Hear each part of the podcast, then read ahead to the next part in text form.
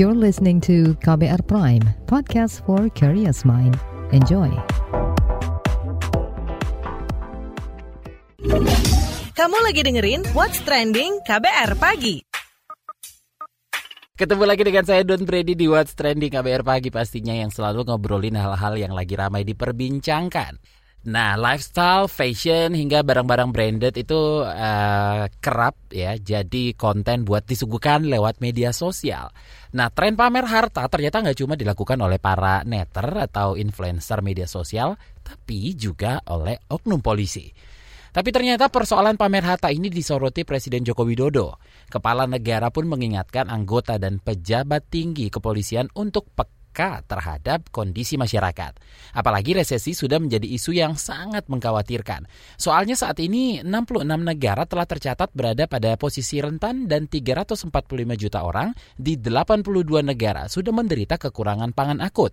Menurut Jokowi, aktivitas pamer harta kekayaan dengan memamerkan mobil mahal, motor gede, atau menggunakan tas baju, dan sepatu branded bisa menimbulkan kecemburuan sosial di masyarakat. Jokowi mengingatkan aparatur negara bahwa media sosial anggota polisi itu nggak luput dari pengawasan masyarakat. Jokowi mengaku mendapatkan sejumlah keluhan terkait kinerja dan tren pamer harta kekayaan dari anggota kepolisian. Kecepatan dan perkembangan teknologi, kata Jokowi, memudahkan timbulnya percikan-percikan di masyarakat dan menurunnya tingkat kepercayaan terhadap institusi kepolisian. Melansir Metro News, Komisioner Komisi Kepolisian Nasional Kompolnas Pungki Indarti mengungkap pihaknya itu melaporkan gaya hidup mewah yang dijalankan anggota kepolisian. Pungki mengatakan para anggota dan keluarga kepolisian didapati menggunakan barang-barang mewah seperti mobil berharga fantastis.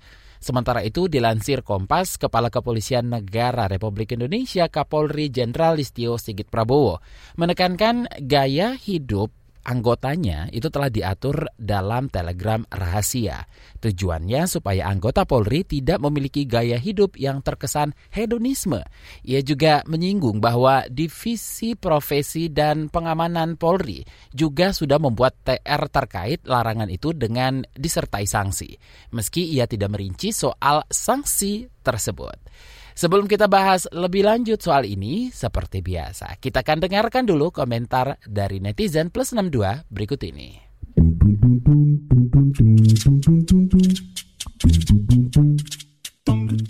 Ke komentar at 3XX. Presiden Jokowi menyinggung soal gaya hidup polisi yang terkadang mengandung kecemburuan sosial di masyarakat.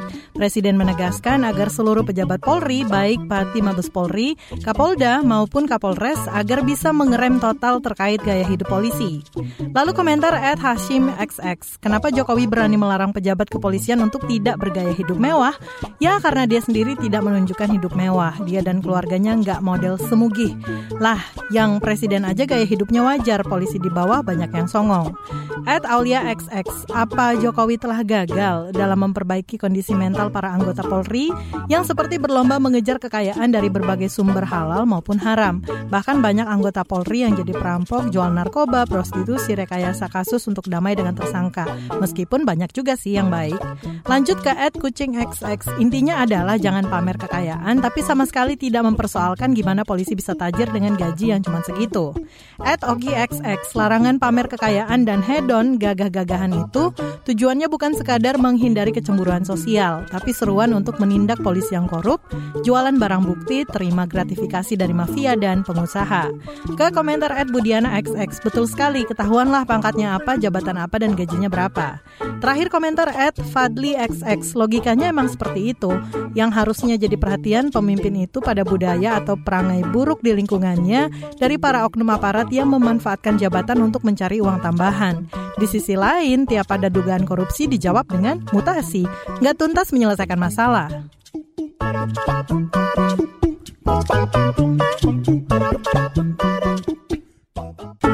What's Trending KBR Pagi Kita lanjutkan obrolan kita pagi ini. Jadi Presiden Joko Widodo itu menyoroti gaya hidup mewah para petinggi kepolisian saat memberikan pengarahan kepada jajaran kepolisian negara Republik Indonesia. Mulai dari pejabat utama Mabes Polri, kepala kepolisian daerah, hingga kepala kepolisian resort seluruh tanah air di Istana Negara 14 Oktober 2022. Kepala negara juga meminta aparat kepolisian untuk menerapkan dan menampilkan hidup yang sederhana agar tidak terjadi gesekan atau kecemburuan sosial di tengah masyarakat. Berikut penuturan selengkapnya dari Presiden Joko Widodo.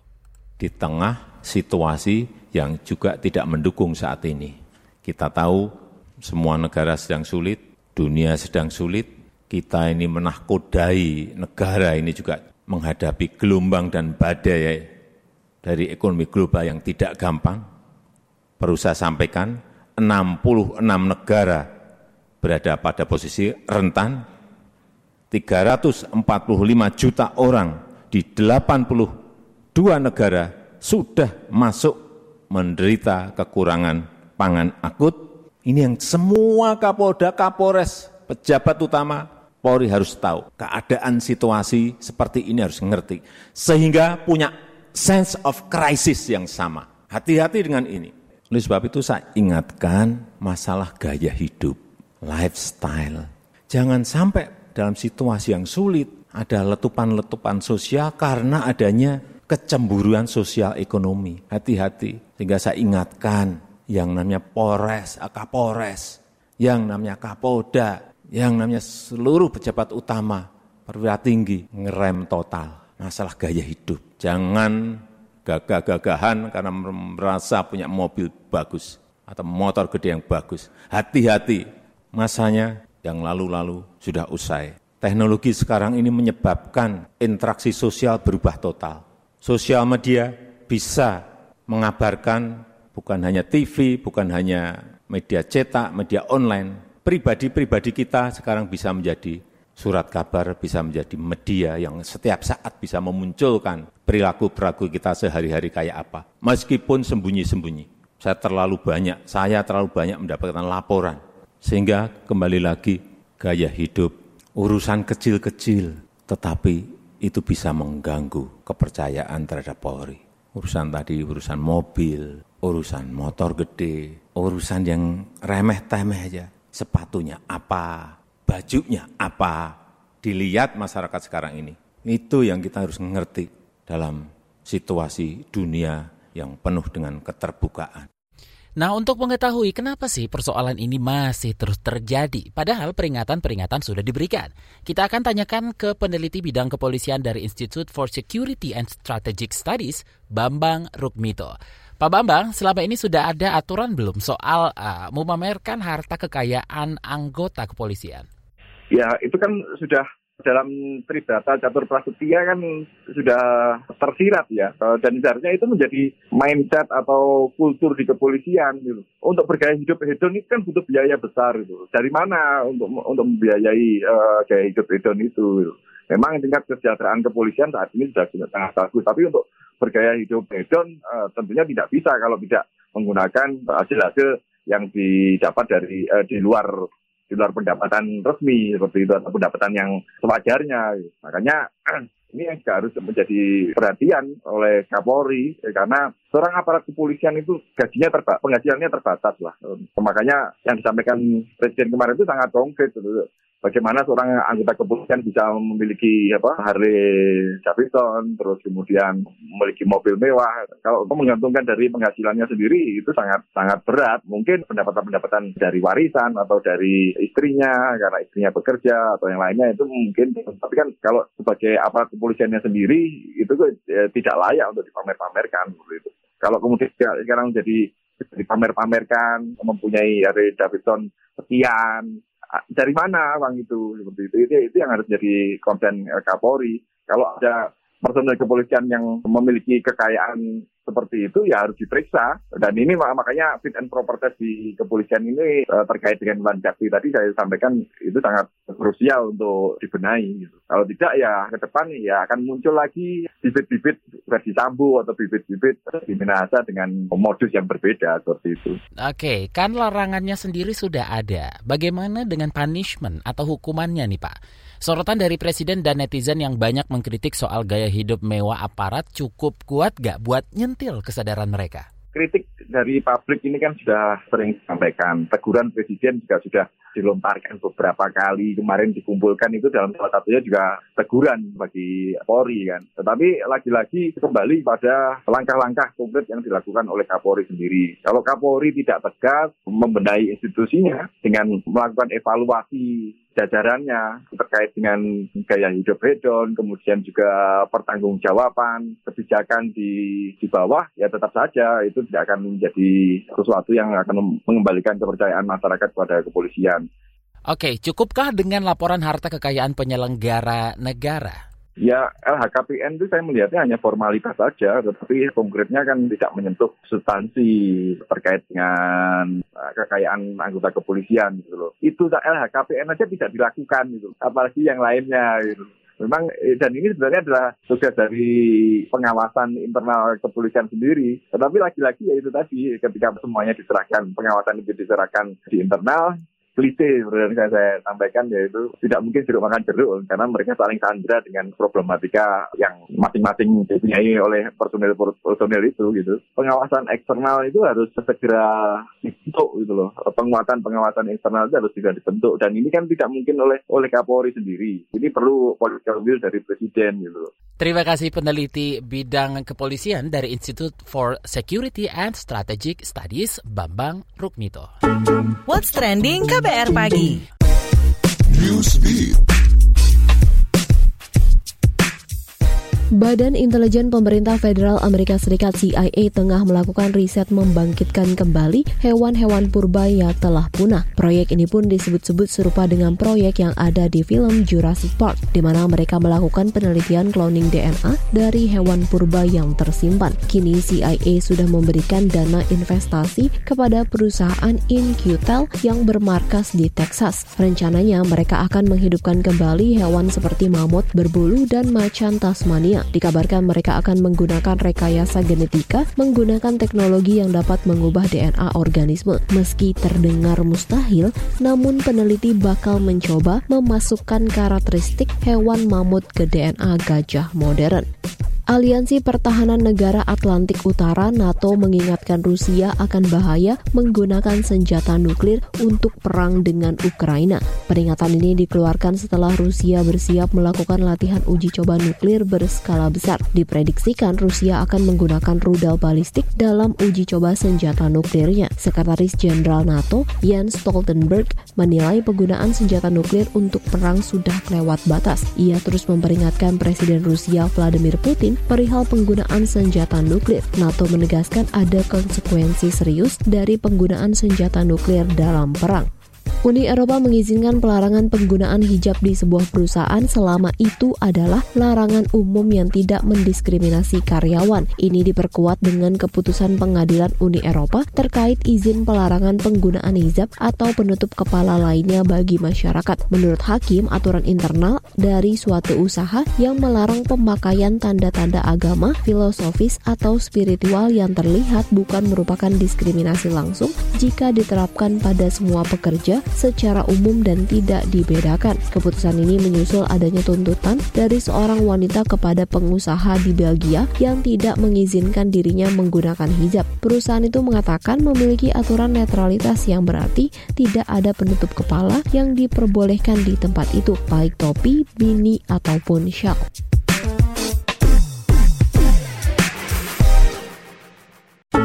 What's Trending KBR Pagi. Kita lanjutkan obrolan kita pagi ini soal peringatan keras Presiden soal polisi pamer gaya hidup mewah. Nah, anggota um, Nah, anggota Komisi Kepolisian Nasional Kompolnas, sampai beribet ngomongnya ya, Yusuf Warshim, itu mengatakan pihaknya mendapatkan sebuah penelitian soal faktor yang mempengaruhi terjadinya pelanggaran di tubuh Polri. Kata Yusuf, gaya hidup mewah sangat mempengaruhi perilaku dan perbuatan melanggar ketentuan lainnya di tubuh kepolisian. Lebih lengkapnya, kita langsung saja tanyakan ke anggota Kompolnas, Yusuf Warshim. Pak Yusuf, mau minta tanggapan Anda nih soal gaya hidup mewah pejabat kepolisian yang ditegaskan oleh Jokowi karena ditakutkan menimbulkan kecemburuan sosial. Bagaimana nih menurut Bapak?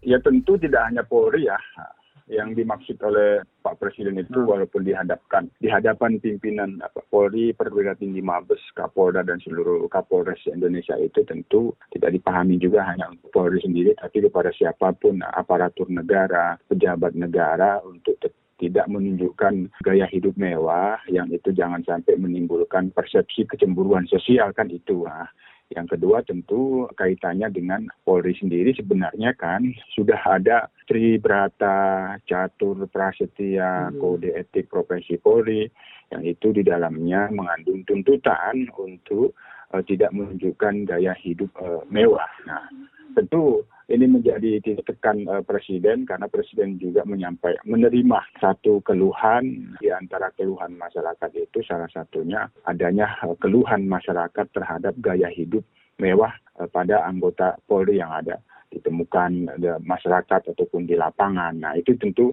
titik tekan uh, Presiden. Nah, tentu kami akan tegak lurus dalam hal ini. Kami yakin uh, Polri dapat melaksanakan arahan Presiden terkait dengan untuk uh, tidak menunjukkan ataupun untuk mengerem gaya hidup uh, mewah di tengah-tengah masyarakat agar tidak menimbulkan persepsi kecemburuan sosial. Yang kedua, kami sendiri juga telah mendapatkan satu hasil penelitian di mana penelitian tentang faktor-faktor yang menyebabkan pelanggaran anggota itu ya salah satunya adanya gaya hidup mewah itu. Nah ini tentu menjadi sangat eh, apa namanya alasan yang sangat kuat kami nanti eh, di dalam melaksanakan eh, pengawasan fungsional bersama pengawas eh, internal Polri baik itu Inspektorat Pengawasan Umum maupun eh, Propam Polri sendiri tentu akan lebih intens kepada soal-soal yang terkait dengan gaya hidup mewah ini yang sebenarnya sudah dituntut untuk dapat uh, tidak ditunjukkan sebagaimana Tribrata, Catur Prasetya dan Kode Etik Profesi Polri. Oke, berdasarkan uh, pengamatan Kompolnas nih Pak, seperti apa sih gaya hidup anggota-anggota kepolisian? Masih banyak gak sih anggota polisi yang suka memamerkan kehidupan mewahnya? Misalnya nih memamerkan pakaian, sepatu, tas, mobil atau motor mewah di medsos atau di publik? Ya tentu kan itu yang dimaksud Pak Presiden kan berdasarkan adanya keluhan masyarakat yang sampai kepada Presiden ya. Terkait dengan keluhan dan itu sudah bisa kita baca dan cermati yang karena sudah ada di media apa yang dikeluhkan oleh masyarakat di antaranya ya gaya hidup mewah yang itu. Nah tentu gaya hidup seperti apa uh, yang mesti ditunjukkan anggota Polri? Tentu secara normatif ya, sebagaimana yang dimaksud di dalam Tribrata Catur Prasia, Catur Prasetya yang itu kulminasinya, puncaknya itu kan mengedepankan kepentingan umum daripada kepentingan individu, golongan ataupun uh, kelompok. Sehingga di dalam menunjukkan gaya hidupnya itu uh, itu menjadi pertimbangan yang cukup kuat sehingga apa yang ditunjukkan pada gaya hidupnya itu ya tidak berbeda dengan gaya hidup bagaimana masyarakat uh, yang harus dilindungi, diayomi dan dilayani. Nah, itu siapa pun tentu aparatur negara, pejabat negara yang kita menjalankan fungsi pelayanan kepada masyarakat tentu apa yang ditunjukkan dalam kehidupan kita, dalam bergaya hidup kita itu tentu tidak tidak kontras dengan bagaimana kita mengedepankan kepentingan umum, kepentingan masyarakat itu mas sehingga di dalamnya tidak ada persepsi adanya kesenjangan ataupun kecemburuan sosial. Uh, sebenarnya kan anggota kepolisian itu sudah dilarang ya memamerkan hartanya nih Pak. Dalam arti mereka boleh menjadi kaya tapi nggak boleh pamer. Nah gimana nih pengawasannya? Sudah maksimalkah? Dan bagaimana kesadaran aparatnya sendiri? Kan terkait dengan harta kekayaan dan itu instrumennya kan sudah ada. Tentu kita antara Kompolnas dan KPK juga ada MOU. Nah terkait dengan bagaimana hartanya kan ada pada laporan ke harta dan kekayaan yang ada eh, disampaikan setiap pejabat negara kepada Komisi Pemberantasan Korupsi. Itu yang kedua tentu terkait dengan eh, hartanya seperti apa tentu itu sesuai dengan yang diberikan atau yang diperoleh. Nah kan begitu. Itu kan akan terlihat ya di dalam kehidupan sehari-harinya gitu. Sehingga kalaupun ada usaha di luar profesinya sebagai anggota Polri kan itu tidak tidak tertutup kemungkinan ada yang memiliki kekayaan karena usahanya kan itu tidak tertutup ataupun warisan keluarganya. Namun hal demikian kan sebagai pejabat negara, pejabat Polri tentu ada kewajiban itu membuat laporan harta kekayaan kepada KPK. Nah ini merupakan instrumen untuk mengawasinya Mas. Itu hmm. Kompolnas sebagai pengawas fungsional sekali lagi dalam mengawasi kami juga melakukan kerjasama dengan pihak-pihak lain salah satunya adalah KPK. Nah, sebenarnya apa aja sih Pak dampak dari gaya hidup mewah dari para anggota kepolisian atau uh, pejabat sendiri nih terhadap masyarakat, khususnya di tengah krisis dan pemulihan ekonomi pasca pandemi? Iya, kami sendiri sebenarnya di dalam memantau eh, bagian dari kegiatan pengawasan fungsional Kompolnas terhadap kinerja dan Intes tentu apa yang dikeluhkan masyarakat kepada presiden itu tentu ada. Namun tentu kami sendiri juga melihat banyak di antara anggota Polri juga menunjukkan hidup yang sederhana, hmm. hidup yang biasa-biasa saja. Itu juga ada yang harus kita akui. Nah, tentu ini yang harus kita kembangkan dan harus kita tingkatkan, Mas, agar ini menjadi role model dalam gaya hidup anggota Polri. Baik, terima kasih Komisi Kepolisian Nasional Kompolnas Yusuf Warsim. What's trending KBR pagi? Commercial break. Commercial break.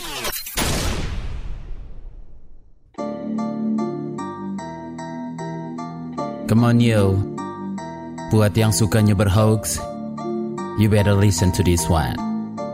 Check this one out yo. Hati-hati kalau baca kabar hoax, jangan langsung disebar kabar yang hoax. Kalau mau tahu kabar benar atau hoax, dengerin cek fakta yang pasti bukan hoax. Dengerinnya setiap Senin yang jelas bukan hoax. Cuma ada di kbrprime.id dan aplikasi podcast lainnya. Hoax. Sudah cukup-cukup hoaxnya? Hoax. Cukup. Jaga emosi, tahan jari, verifikasi sebelum dibagi. Saya Ari Bowo Sasmito, Ketua Komite Pemeriksa Fakta Mafindo. KBR Prime, podcast for curious mind. What's trending KBR pagi?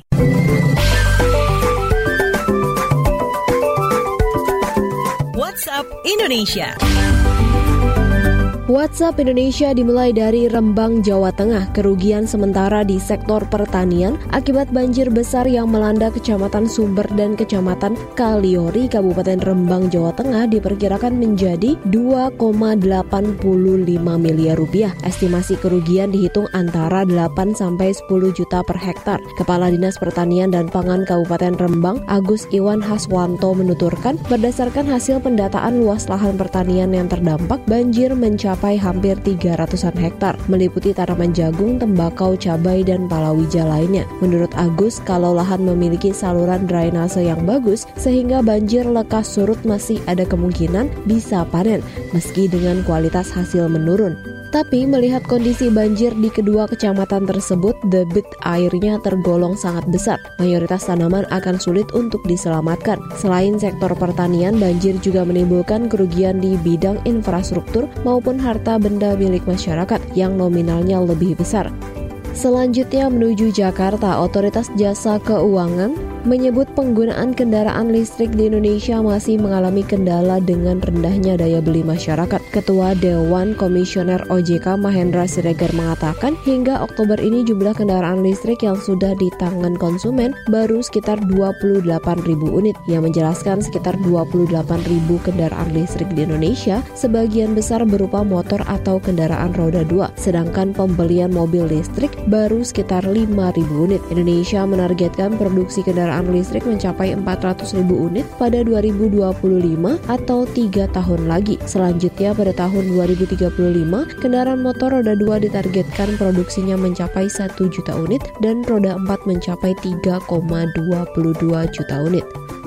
Terakhir mampir Jawa Barat, Menteri Kooperasi dan UKM, Menkop UKM Teten Mas Duki menilai budidaya domba tangkas atau domba adu yang sudah mengakar sejak dulu potensial menjadi sumber kekuatan ekonomi di Jawa Barat, khususnya wilayah Garut. Di acara seni ketangkasan domba Garut se-Jawa Barat tahun 2022, Kapolres Garut Cup, Menteri Teten mengatakan perpaduan kekuatan budaya domba tangkas Garut memiliki potensi besar untuk mendorong perekonomian perekonomian, baik sektor pariwisata, peternakan domba hingga UMKM. Disebutkan dalam Indeks Pembangunan Kebudayaan IPK Budaya dan Ekonomi menjadi salah satu dimensi, yakni dimensi ekonomi budaya, kata Menteri Teten, event perlombaan domba mampu melestarikan budaya dan sekaligus sebagai daya tarik untuk meningkatkan industri pariwisata yang memiliki multiplier effect sampai kepada pelaku UMKM dan koperasi. Sementara itu, Bupati Garut Rudi Gunawan menganggap ajang seperti ini bisa menggairahkan harga domba khususnya domba Garut. Selain itu juga bisa meningkatkan pasar bagi produk UKM asal Garut. Demikian WhatsApp Indonesia hari ini.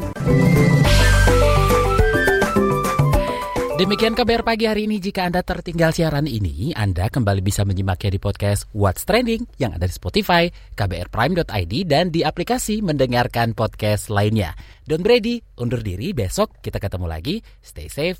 Bye-bye. Terima kasih ya sudah dengerin What's Trending KBR Pagi. KBR Prime, cara asik mendengar berita. KBR Prime, podcast for curious mind.